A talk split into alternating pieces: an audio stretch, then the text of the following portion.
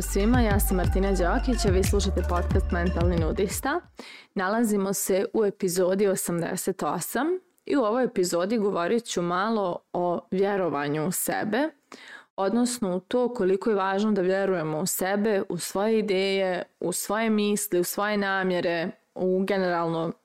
sve što je nama važno, u svoje vrijednosti. I opet s druge strane koliko je teško verovati u sebe, u svijetu koji nije baš raspoložen da nas uputi kako se to radi. Um, pričala sam u svakoj epizodi o svojim nekim putevima, prevaziđenim izazovima i slično i, i moj put za vjerovanje u sebe je bio prilično dug i onako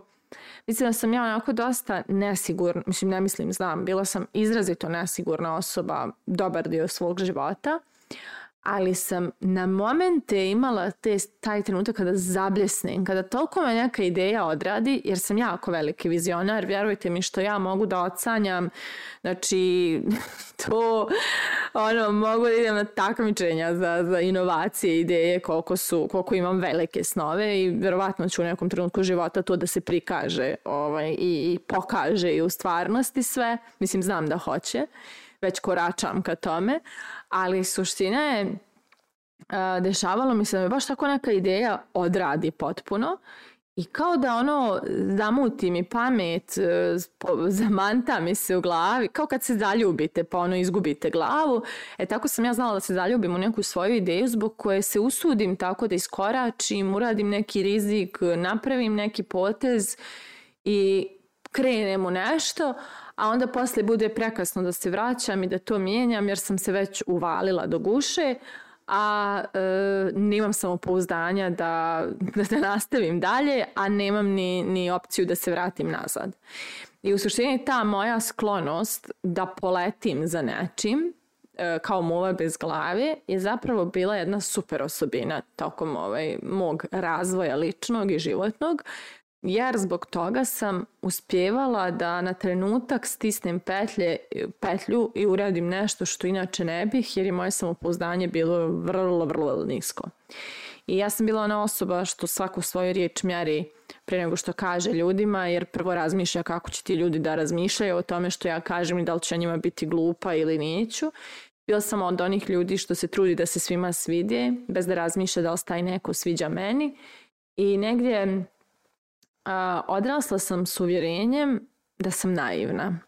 Zato što u mojoj porodici su svi onako dosta kontraši, imaju dosta onako a, potrebu da iz, svaku vašu misao, ideju iscepkaju na komadiće i pretresu i dokažu da to nije baš tako. A ja sam uvijek bila tako poletna, sanjiva i imala te neke fiks ideje i večito je to bilo u sudaru. I na neki način uh, sam bukvalno uvjerena još kao dijete da sam jako naivna i da sve te moje neke zamisli su obične gluposti i da bolje da se smirim i spustim na zemlju i onda, jeli, da živim normalan život. Međutim, nešto me vodilo u meni da ne odustajem od tog vjerovanja u sebe, odnosno um, mic po mic sam davala šansu svojim idejama jednoj po jednoj, a onda sam mic po davala šansu i svojoj intuiciji i sa svakim novim dokazom e, je postajalo sve jasnije koliko je dobro slušati sebe. I bilo je trenutaka kada sam se grozno osjećala za odluke koje donosim i kada nekako se činilo da sam sve promašila i da nisam dobro procijenila, ali je i tada bio dobar osjećaj jer je to bila moja odluka. I onda ono što se zapravo dešava jeste da smo mi svi naučeni da slušamo neke autoritete, državu, šefove, roditelje, nekog. Tako nas je škola učila da je uvijek neko pametniji od nas I u tom procesu mi smo izgubili e, taj moment kako se slušamo, kako da slušamo sami sebe i kako da čujemo taj glas u sebi i kako da ne sumnjamo u njega nego ga ispoštujemo. I ono što ja mogu reći, to se radi vježbanjem. Prvo sitnim koracima, znači poslušamo to što nam je došlo, tu ideju, tu, tu, tu odluku ili šta god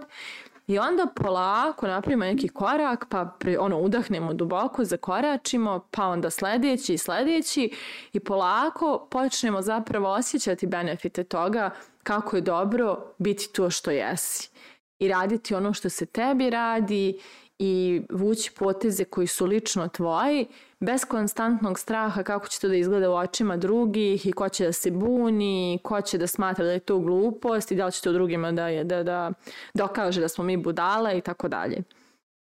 I ja ni za šta za svijetu ne bih mijenjala taj moment vjerovanja sebi, zato što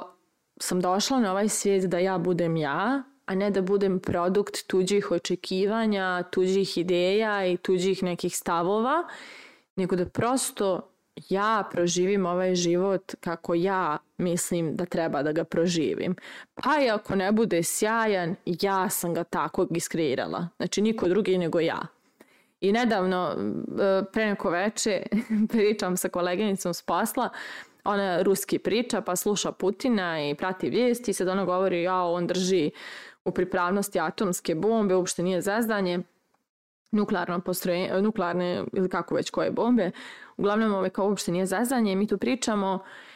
jer ne kažem, znaš šta Branka, šta god da bude, živjela sam ga. Znači, stvarno, ja sam ovaj svoj život živjela i tačno sam ga živjela po svom receptu.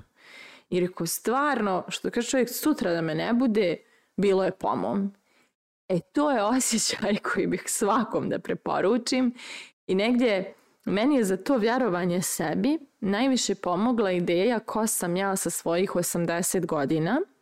i imam tu jednu scenu kada ležim na obali mora, kraj logorske vatre, okružena gomilom djece, moje, mojih unučića, bratovih unučića, čiji god unučića, ali uglavnom tu su klinci. I ja, oni obožavaju da slušaju moje priče o mom životu i ja im prepričavam o ostvarenim snovima, osvojenim, osvojenim nekim idejama i uspjesima i avanturama koje sam preži, proživjela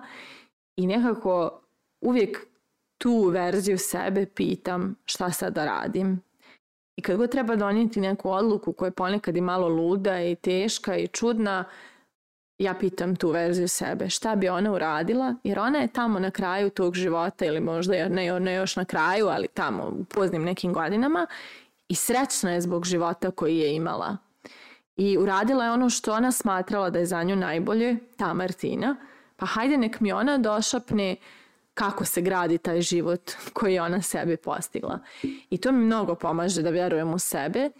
I da budem iskrena, ja se čitav život osjećam kako se ne uklapam. Prvo što sam early adopter, znači ja sam neko ko prvi usvoji svaki novi trend, svaku novu foru i da obično izigravam budalu ono